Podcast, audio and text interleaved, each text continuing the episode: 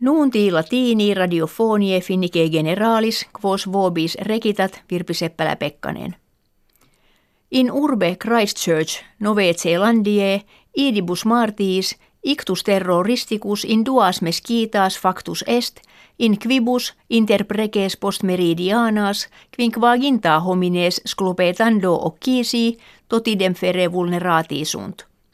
Inter victimas erant Pakistani, Turki, Arabes, Saudiani, Indonesiani, Malesiani. Auctor sceleris est juvenis Australianus duodetriginta annorum. Occisor brevi captus et carceratus est.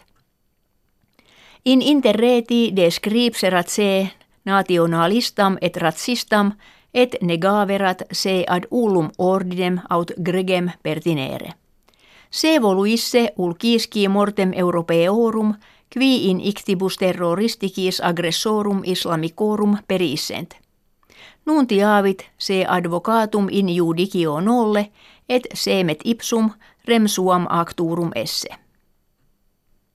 Postquam aeroplanum Boeing septem tres septem max octo nuper in Etiopia magnacum strage kecidit volatus eius generis aeroplani primum in tota Europa, de inde in USA, et multis aliis in terris vetitisunt. In similem calamitatem simile aeroplanum Boeing mense octobri in Indonesia inciderat. Utraque calamitas paulo post quam aeroplanum ascendit accidit – et prime investigationes de quibus Wall Street Journal retulit indicant alias quoque similitudines in his infortunis esse. Quia se curitas aeroplani, ita in dubium vocata est, volatus eius intermissi erunt, donec causis calamitatis certius cognitis, reparationes necessarie in eo perficiantur. In museo londiniensi est sculptura Virgo et puer ridens quam experti italiani censent a Leonardo da Vinci factam esse.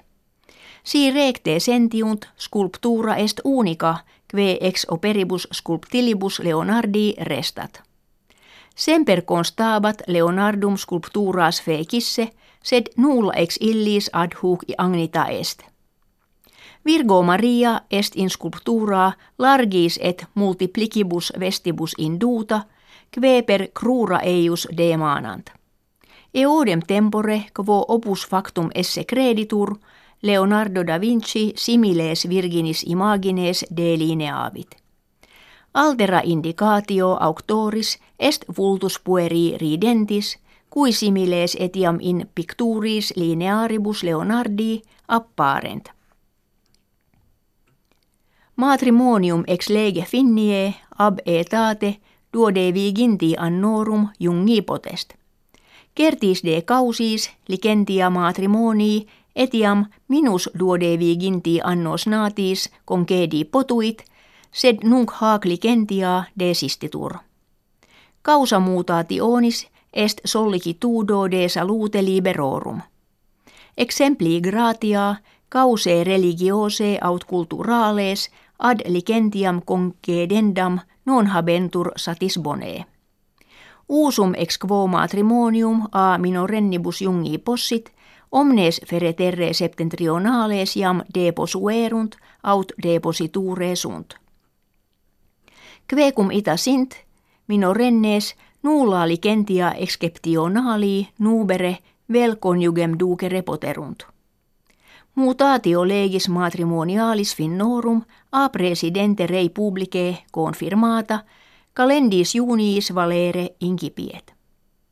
Nuntis latinis ida recitatis gratias auscultatoribus agimus et valedigimus.